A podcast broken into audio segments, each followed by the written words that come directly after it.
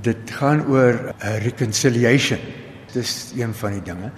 Maar dit begin soos 'n komedie. Mense sal dink dit is 'n komedie. Maar dan vertel ons die storie van Suid-Afrika, van al sy mense. En daar daar's 'n groot geheim in die, in die show. Ek kan nie te veel praat oor wat gebeur, maar ek is Dwayne Combrink en ek woon in Kuruleni saam met my vrou op die plots. En uh, daar kom 'n dame wat op die 16de uh, Junie 1976 gebore is. En sy kom, sy het vra en sy wil hierdie uh, antwoorde hê vir hierdie vrae wat sy het. En dis 'n groot drama. In die begin mense sal baie lag en dink o, dis Paul weer 'n keer wat lekker jol.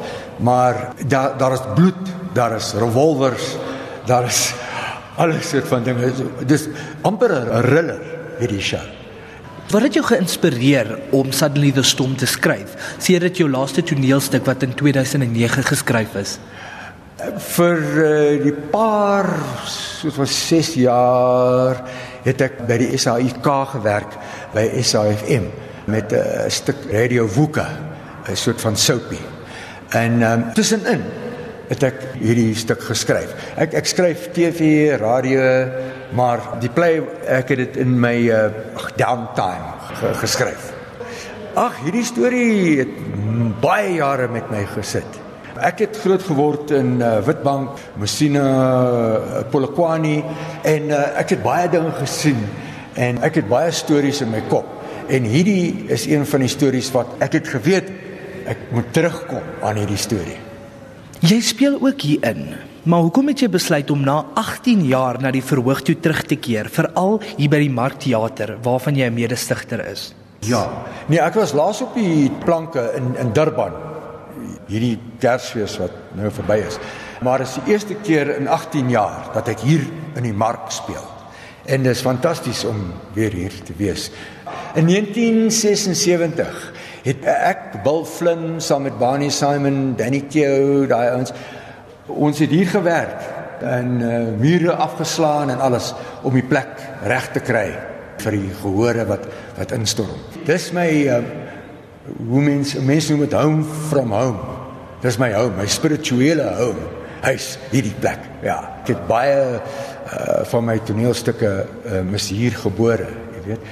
En uh, nou voel dit baie lekker om terug op die planke hier in die markteater te wees. Ja. Wat maak hierdie storie so oorspronklik?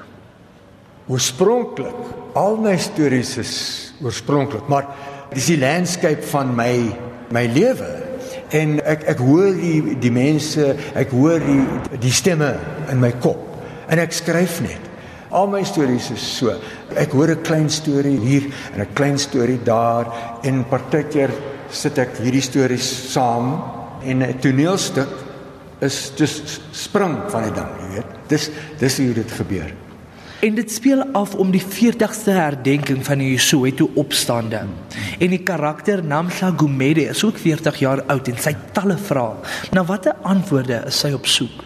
O nee. Jy moet die toneelstuk kom kom sien. ja. Dit sal die geheim weggee. Maar rasisme is in die plek groot grootste uh, rasisme, uh, molestering, domestic abuse, hierdie soort van dinge. Al die dinge wat waaroor Suid-Afrikaners dink op 'n op 'n daaglikse basis. Ons het dit in, in die stuk, maar op die einde daar is hoop, groot hoop vir die toekoms op die einde van hierdie plek. Is hierdie vraag net persoonlik vir haar of kom dit gereeld in ons samelewing ook voor? Nee, ek dink dit kom in ons samelewing kom dit kom dit uit. Ja, Watter tipe antwoorde dink jy is ons samelewing op soek na? O, ons wil een nasie word. Dit is wat ek dink. En hierdie toneelstuk sal vir die mense wys dat ons is almal een. Nie nie net in Suid-Afrika nie, maar wêreldwyd. Al hierdie nonsens, jy weet, wat uh, probeer om ons uitmekaar te trek is nonsens. Ons is almal onder die vel. Ons is almal dieselfde.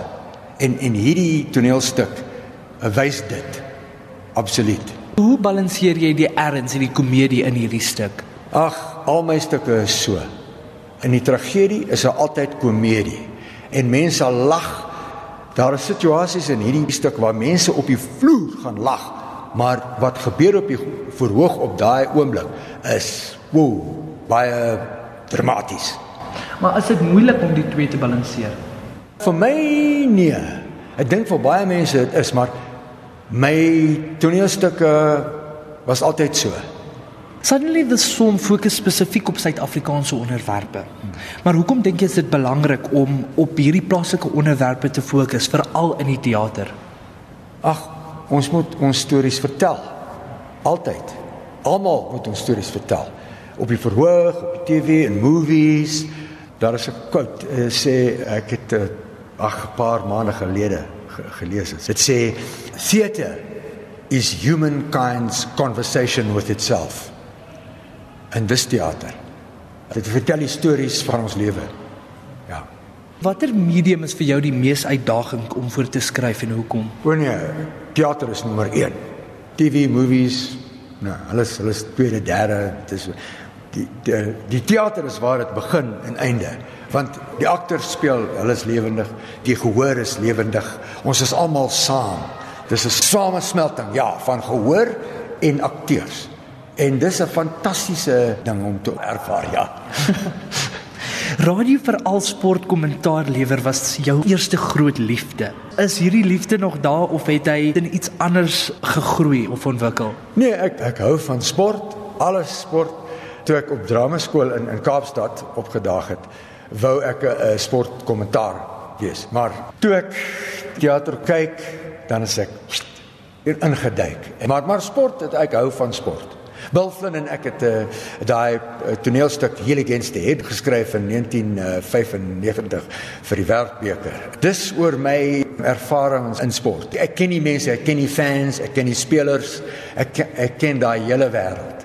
Watter groot veranderinge het in jou lewe plaasgevind wat 'n mens in jou werk kan sien uitkom?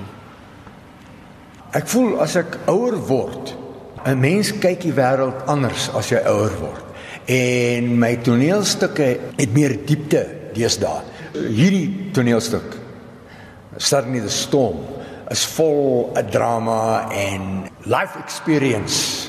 Ek is nou ouer as 60, jy weet. En dan kom daar ander dinge in as ek skryf, jy weet.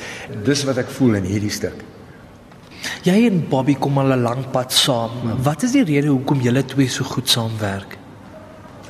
Ons is albei aitjies. En um, ek het Bobby hier in die Markteater in 1981 ontmoet. Hy het 'n stuk gedoen en ek het vir hom gesê, "Luister, jy moet hierdie Saturday Night at the Palace direk." En uh dis die begin van hierdie lang pad 1982 tot vandag. En ons het saam uh, TV gedoen, film en teater. En uh it, it's a very close relationship. We trust each other. Daar's ook 'n groot vriendskap. Wat dink jy is van die dinge wat Bobby jou geleer het van hierdie bedryf en jy wat vir hom geleer het of hoe het julle saam gegroei? Hy het 'n bietjie oor skrywery ge he learned something from that. Hy's 'n brilliant regisseur in film en televisie. Maar teater is ook sy uh plek waar hy tuis voel. En uh mens leer die hele hele tyd. Hy leer, ek leer 'n mens as jy in 'n teater is, is jy 'n student vir jou hele lewe.